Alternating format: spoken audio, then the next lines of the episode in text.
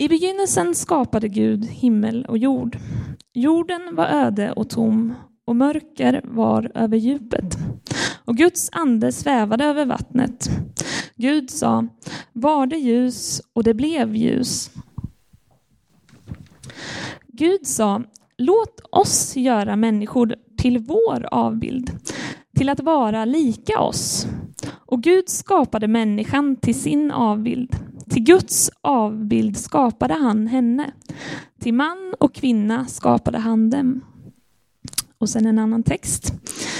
I begynnelsen var ordet och ordet var hos Gud och ordet, ordet var Gud. Han var i begynnelsen hos Gud. Genom honom har allt blivit till och utan honom har inget blivit till som är till. I honom var liv och livet var människornas ljus. Och ordet blev kött och bodde bland oss och vi såg hans härlighet.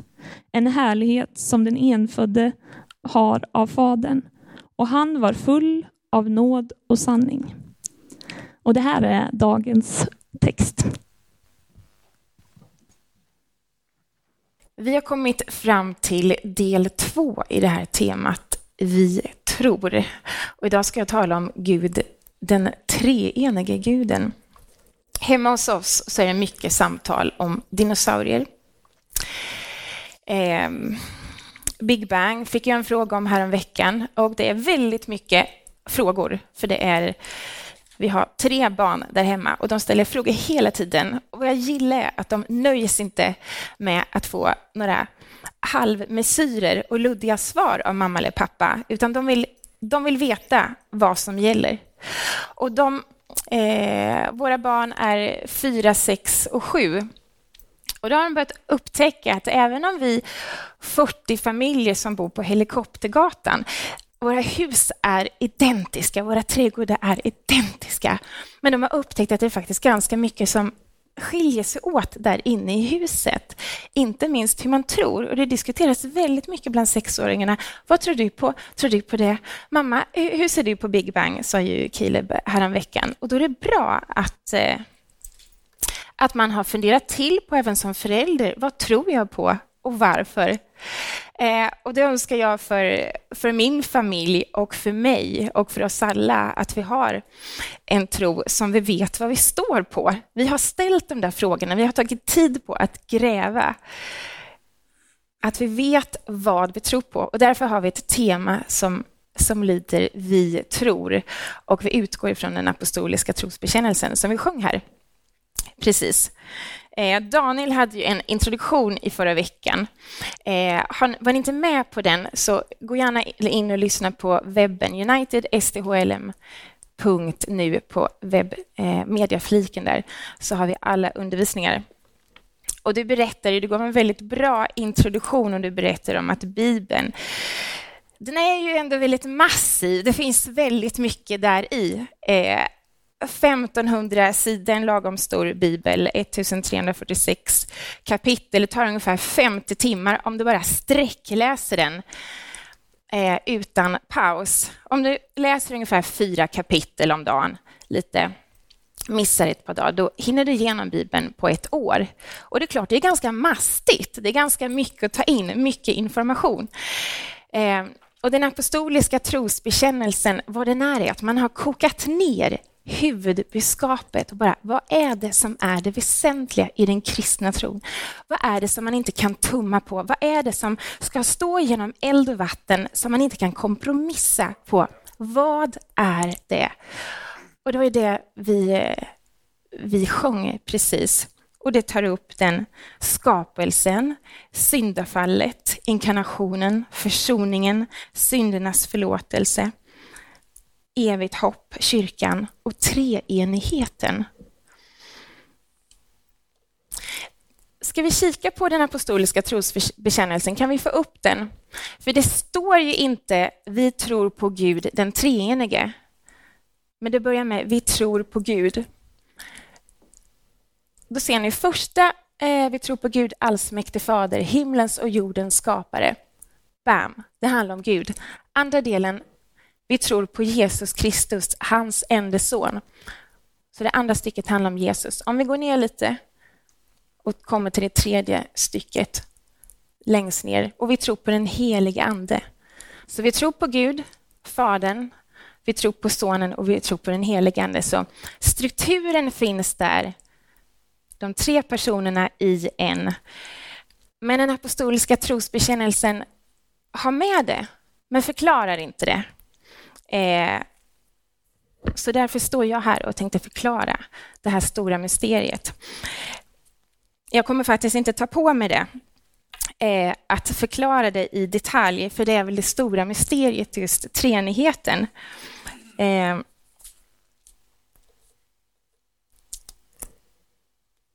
du kanske tycker det är lite nördigt. Alltså är det så viktigt att ha kläm på det här med treenigheten? Räcker det inte att jag vet vem Jesus är, Jesus är Guds son, okej, okay, jag har koll på Gud, den helige Ande, okej, okay, jag har inte riktigt fattat det, kanske, men liksom, räcker inte det?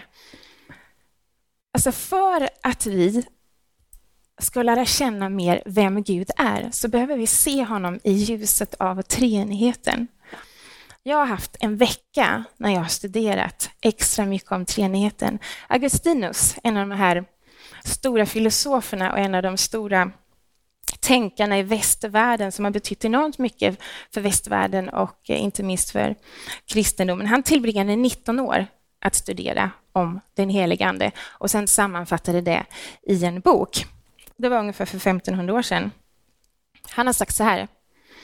Om du förnekar treenigheten så förlorar du din själ. Om du försöker förklara det så kan du tappa förståndet. Så min förhoppning är idag att jag inte ska hamna i någon av de eh, fallgroparna. Men det är skönt på något vis att Augustinus, han har sån, han har sån respekt för det här. Eh, att okej, okay, jag är en människa, Gud är Gud. Det kanske är okej okay att jag som människa inte fullt och helt kan greppa, förklara och, och eh, helt förstå mysteriet om treenigheten.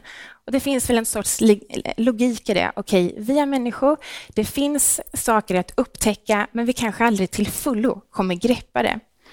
Och det är kanske är helt okej, för vi kanske behöver vara Gud för att till fullo förstå det. Så treenigheten, det är ett mysterium. Det är inte obegripligt, men det är, det är paradoxalt. Vem tror ni då? På den. Jag kommer jobba lite med frågor, jag kommer ställa frågorna och så har jag tänkt att svara på de flesta frågorna också. Eh, men vem tror då på en treenig Gud? Är det, är det en mindre klick av, av den kristna tron världen över eller en större grupp? Ja, det är de romerska katolikerna, grekisk-ortodoxa, det är protestanter, lutheraner, metodister, baptister, presbyterianer, anglikaner. Alla kristna tror på den helige, alltså på treenigheten. Det är så vedertaget. Om vi tittar i Bibeln så är det, det är en grund att stå på. Det är inte någon bonus, utan det är grunden vi utgår ifrån. Och vad säger då Bibeln om treenigheten? Och det kortaste svaret är kanske att säga ingenting. För själva ordet treenighet, det kan vi inte hitta. Men det sanningsenliga svaret, det är att det står enormt mycket om treenigheten. Alltså från första sidan genom hela Gamla testamentet, du fortsätter in i Nya testamentet, så ser du när du läser, så finns treenigheten där. Så hela Bibeln bygger på treenigheten, att Gud är en och samtidigt tre. Fadern, Sonen och den helige Ande. Det är märkligt att det ska vara så svårt att ta in när man är människa. Men det är svårt. Hur kan Gud vara en och tre? Det här ordet treenighet, eh, det användes ehm, man tror att det var den tidiga kyrkofadern Tertullianus, han levde på 200-talet. Det var han som började använda det här begreppet treenighet. Ehm, och det använde han i ett försök att försöka sammanfatta vad Bibeln säger om Gud. Han tog samman hela den bibliska undervisningen. Och han fick en väldigt korrekt sammanfattning av eh, vem Gud är. För genom att förstå, genom att få lite mer kläm på treenigheten så kommer vi faktiskt upptäcka mer vem Gud är. Och jag vill, jag vill förstå mer vem Gud är. Jag vill se mer, jag vill veta vem är jag kommer möta den dag som jag lämnar jordelivet. Jag vill se mer av honom, jag vill upptäcka mer vem han är. Och då kan jag inte hoppa över treenigheten. Trinitas, det latinska ordet, eller det grekiska trias, eh, bygger treenigheten det ordet på. Och det betyder att Gud är trefaldig och samtidigt en. Inte uppdelad, utan en.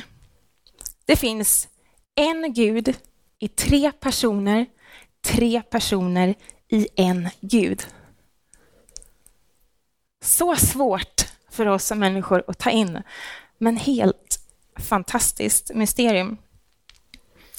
Och vi människor, alltså man tänker så här lite, man vill gärna dela upp det. Tripp, trapp, trull. Det finns inte riktigt sånt. Och vi som människor, det, vi har svårt med det där med tre. Det finns vissa telefonbolag som har fattat det här att three is a magic number. Men det är alltså tre är svårt. Eh, vi vill gärna leka två eller fyra, men tre det är svårt. Men i treenigheten, då är det fullständig enhet. Det finns ingenting som konkurrerar, det finns inga motsättningar, utan det är tre personer i en. Om vi tittar på den första punkten. Eh, så Gud Fadern och Gud Sonen och Gud den helige Ande har alltså samma attribut. De är inte skapade, de är jämlika. De är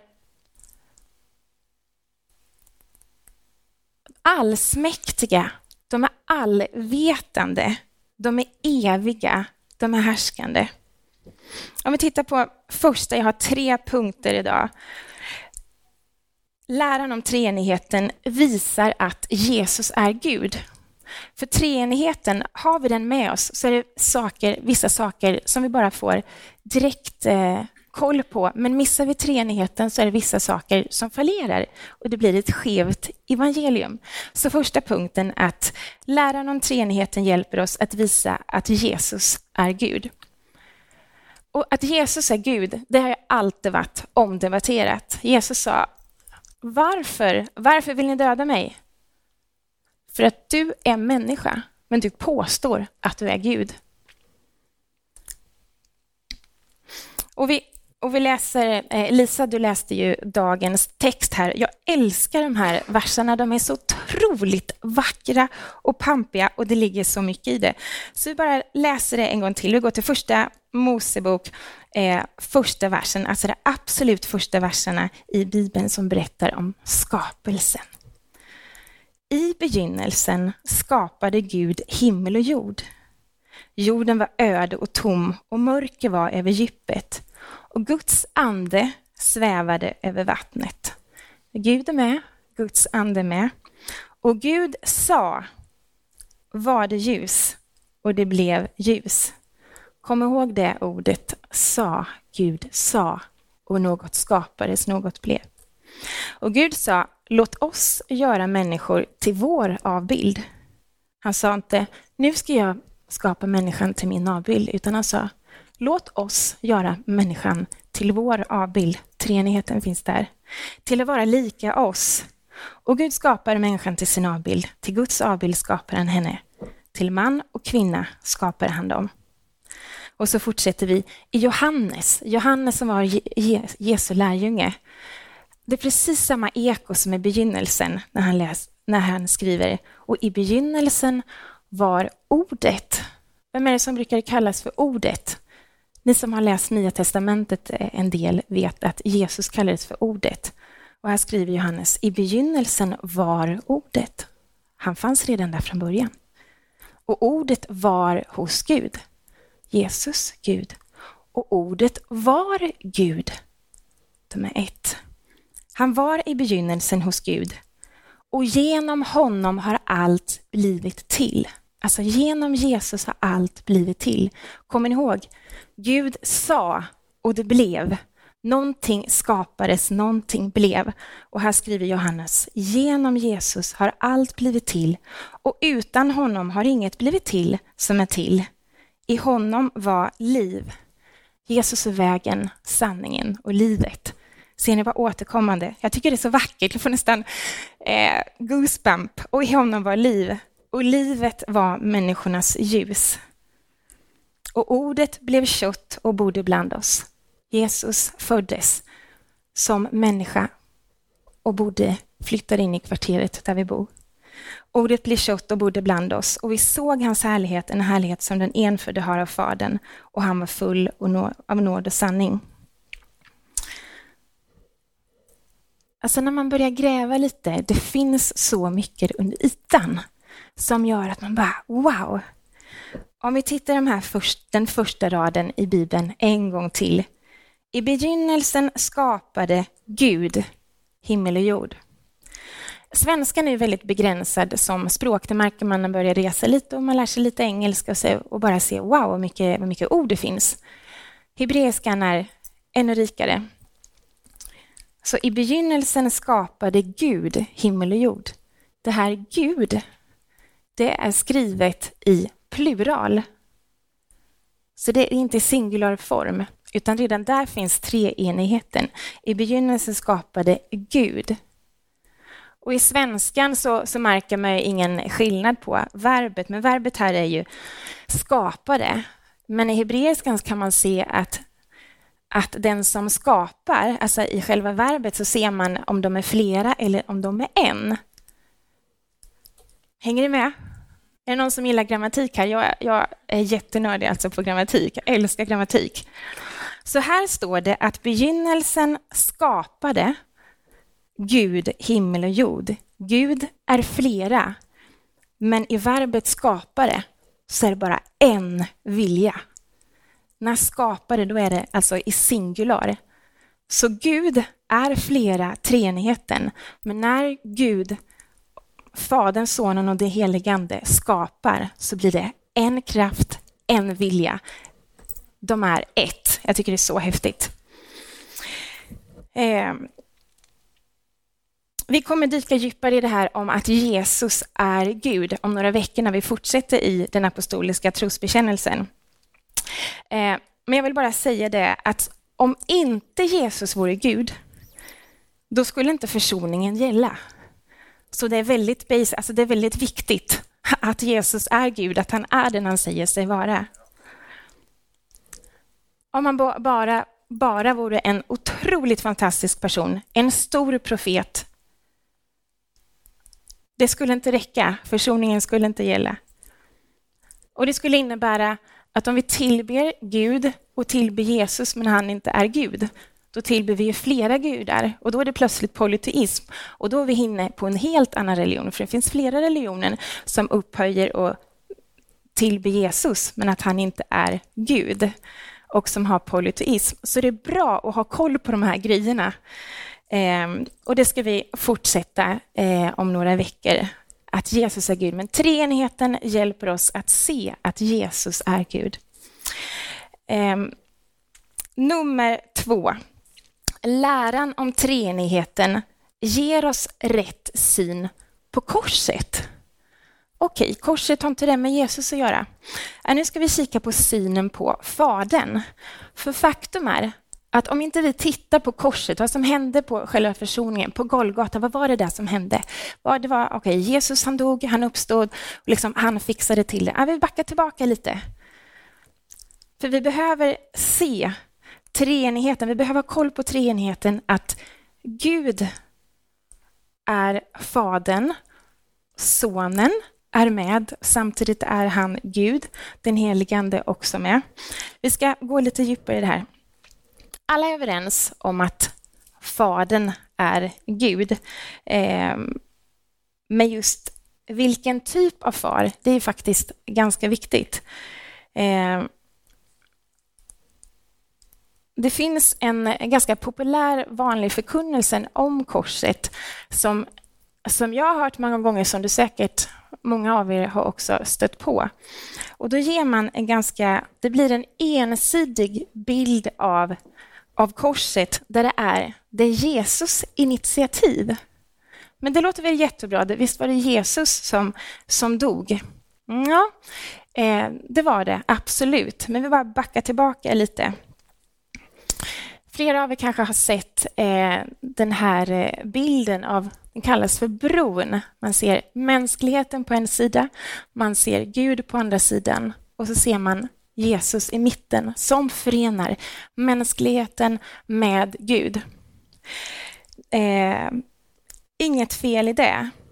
Eh, men den här felvridningen kan bli, för grejen är att det är Gud som är initiativtagare och det är väldigt viktig poäng att det är Gud som är initiativtagare till korset. Men i den här förkunnelsen så blir det lätt så, okej, okay, Gud, han var frånskild från mänskligheten. Mänskligheten hade gått fel, eh, levde i synd och där står Gud med skägget i brevlådan. Vad händer nu med skapelsen? Okej, okay, hur ska vi fixa det här? Okej, okay, Jesus får komma in. Och, och Gud blir en domare, nästan en liksom lite arg domare. Och, eh, och så kommer Jesus in eh, och blir hjälten som kommer. Han är barmhärtig, han är god och han är älskande. Och det är klart att Jesus är, för det är Jesus. Men om vi bara backar tillbaka lite, för det blir någonting felaktigt att Gud, han, han har fastnat lite i sin egen byråkrati där, att han, han är rättvis och mänskligheten har valt bort Gud och så står han lite med bakbundna händer. Det blir Alltså, det är en sån fruktansvärd karikatyr av, av Gud och det blir helt fel. Att den här barmhärtigheten vi ser hos Jesus, den här godheten och att eh, den har ju Gud lika fullt och det är lätt. Vissa säger det, men jag har inte problem att, att be till Jesus. Men alltså jag har lite så här att Gud, han ändå ja, men han upplevs lite arg och han, alltså han, han, han dömer och så här. Men om vi bara backar tillbaka lite. Vi läser Andra Korintierbrevet 5, verserna 18 till 19. Allt kommer från Gud som har försonat oss med sig själv genom Kristus. Det är Gud som är initiativtagare, ser ni det? För Gud var i Kristus och försonade världen med sig själv han tillräknade inte människorna deras överträdelser. Han dömde dem inte. Johannes 3.16. Så älskade Gud världen att han gav sin enfödde son för att de som tror på honom ska få ta emot evigt liv. Han dömde dem inte, utan han kom med räddning.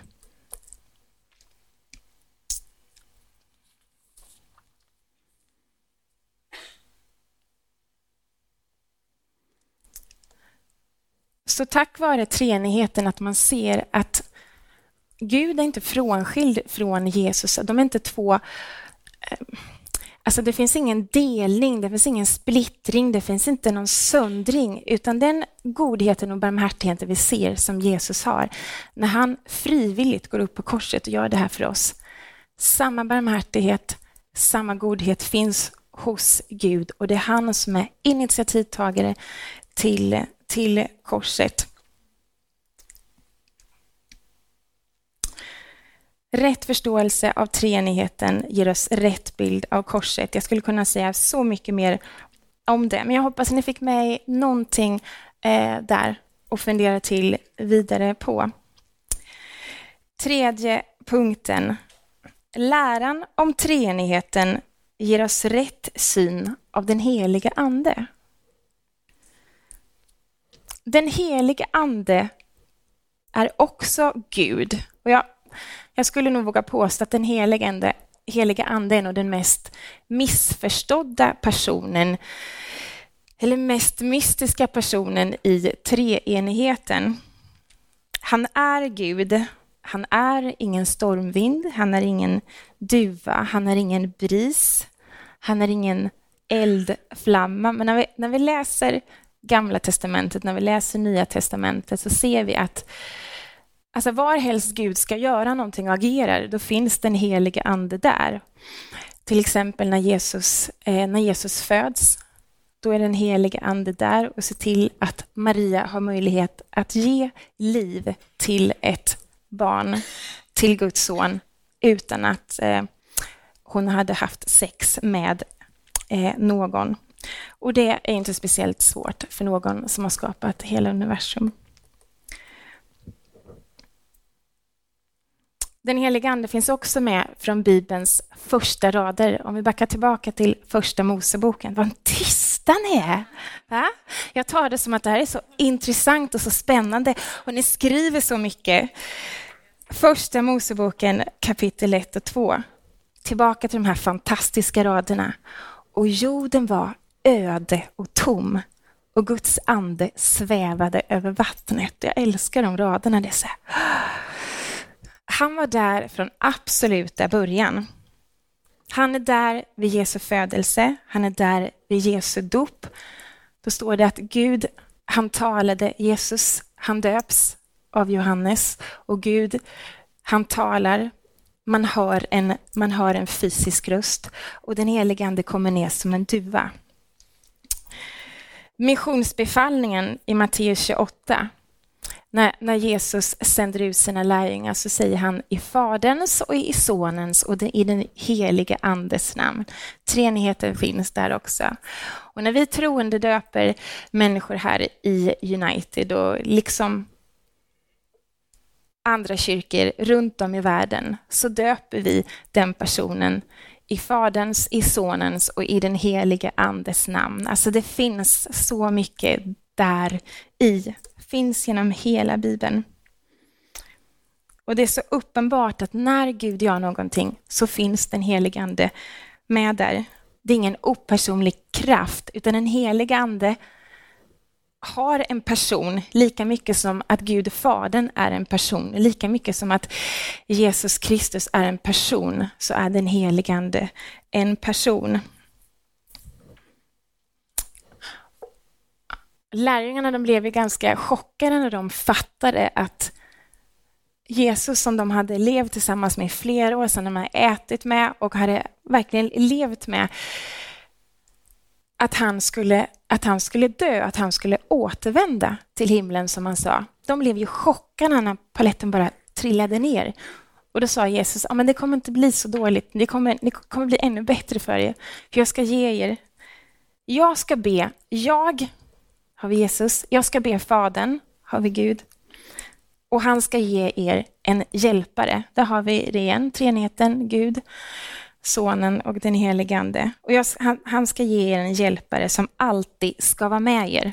Sanningens ande, där har vi den helige Ande med.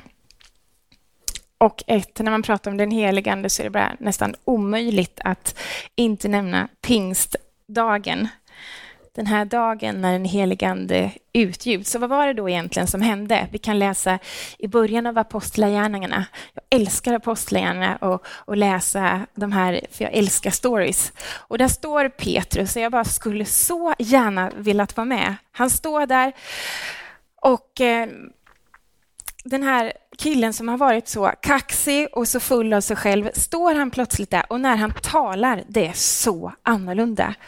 Och det är massor av människor som står och lyssnar och det står att 3000 människor den dagen kom till tro.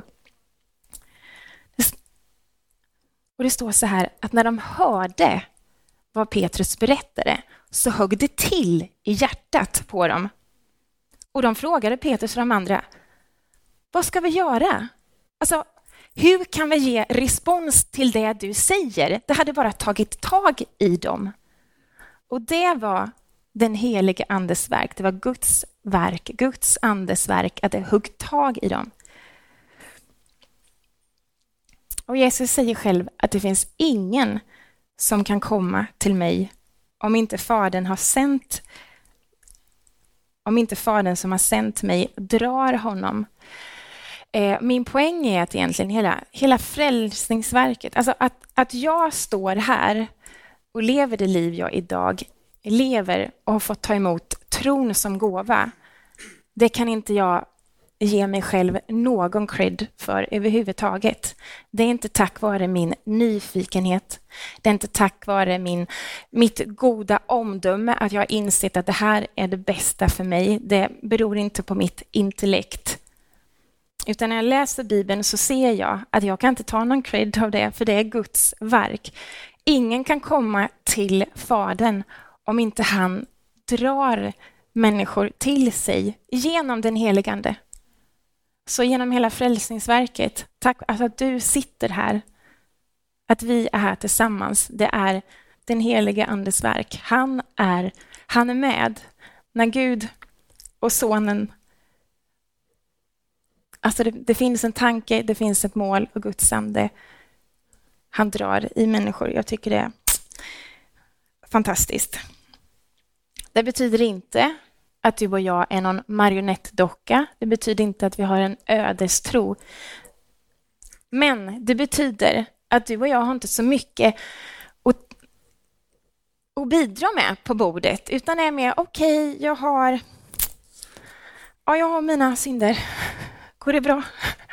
Det är det enda vi kan bidra med.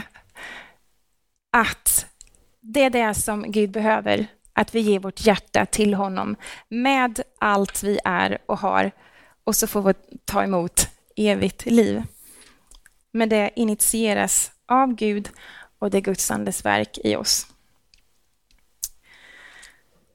Så vad kan, vad kan vi ta med oss av den här undervisningen idag? Av att Gud är en och samtidigt tre personer i en. Alltså vad kan vi ta med oss av det? Vad kan vi lära oss av treenigheten till, till måndag? Jag skulle vilja skicka med några korta grejer. Och Det första är lev transparent. Och Det här är små utmaningar jag själv vill skicka med till mig. Alltså om vi tittar på hur treenigheten lever, hur Gud, Fadern, hur Sonen och den helige Ande lever, så kan man se mycket som man kan lära sig av.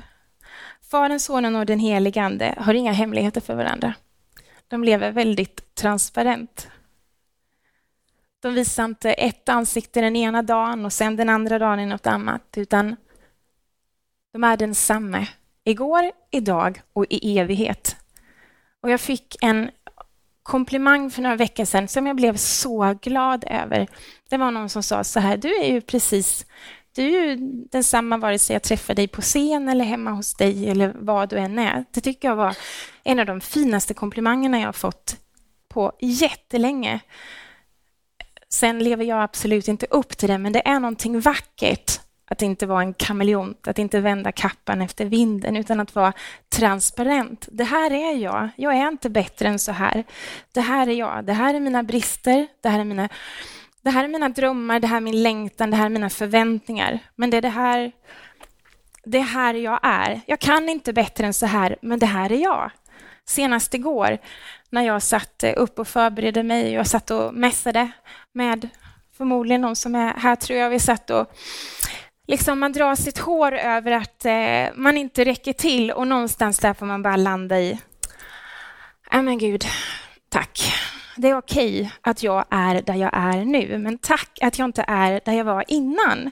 Jag är på väg. Jag är inte där jag vill vara, men jag är inte där jag har varit.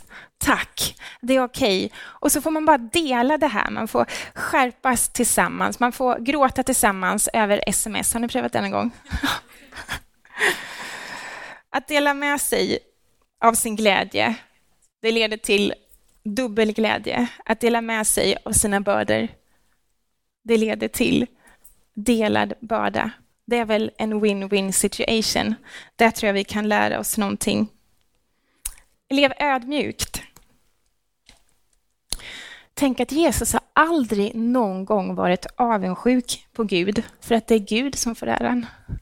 Det hade varit väldigt jobbigt om Jesus hade blivit avundsjuk varje gång. Det hade varit väldigt jobbigt om den helige Ande stod och tjurade i ett hörn över att han hade lyckats så väl när han upphöjde Jesus och bara målade bilder av vem Jesus är. Under förkunnelsen, när du sitter och läser din bibel eller i lovsången eller när du bara ser någonting nytt. Vad Alltså jag ser tydligare konturer än för fem minuter sedan. Jag börjar, liksom, jag börjar få tag på någonting.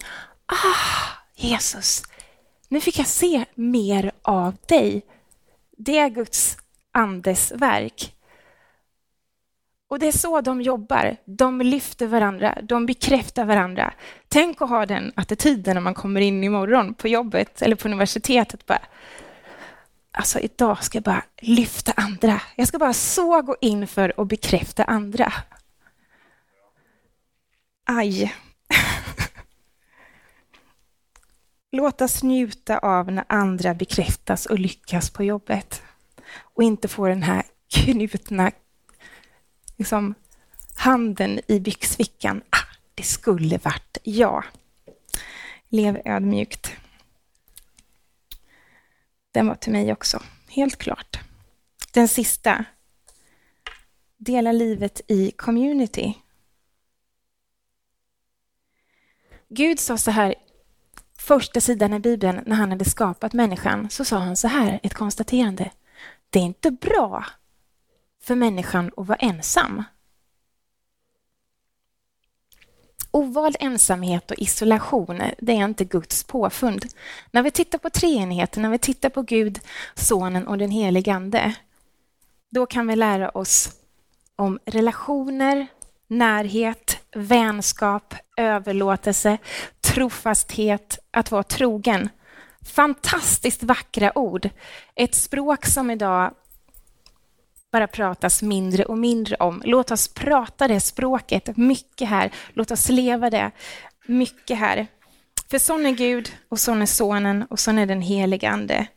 Där vi delar livet med andra i vår vardag, på söndagarna. Det är så viktigt att vi kommer tillsammans, att vi firar gudstjänst tillsammans. Det gör någonting med oss. Eh, det gör någonting med dig. Är du trött och haft en skitdålig vecka? det bästa du kan göra är att komma hit. Att inte bara, äh, jag orkar inte, täcket över huvudet. Bara sitt, du kanske inte orkar prata med någon, men vi litar på att Gud gör någonting i oss när vi möts. Vi litar på att Gud gör någonting, att Guds ande verkar när vi kommer hit. När vi bara blottar oss, inte bara inför vem som helst, utan kanske bara orkar göra det mot himlen. Bara Gud, jag orkar inte, men var min kraft idag. Ge mig det jag behöver. Kanske inte det jag tror att jag behöver, men ge mig det jag behöver. Dela community. För den kristna tron, det är ingen privat kristendom. Den ska delas och bäras och lyftas av varandra. Tack så mycket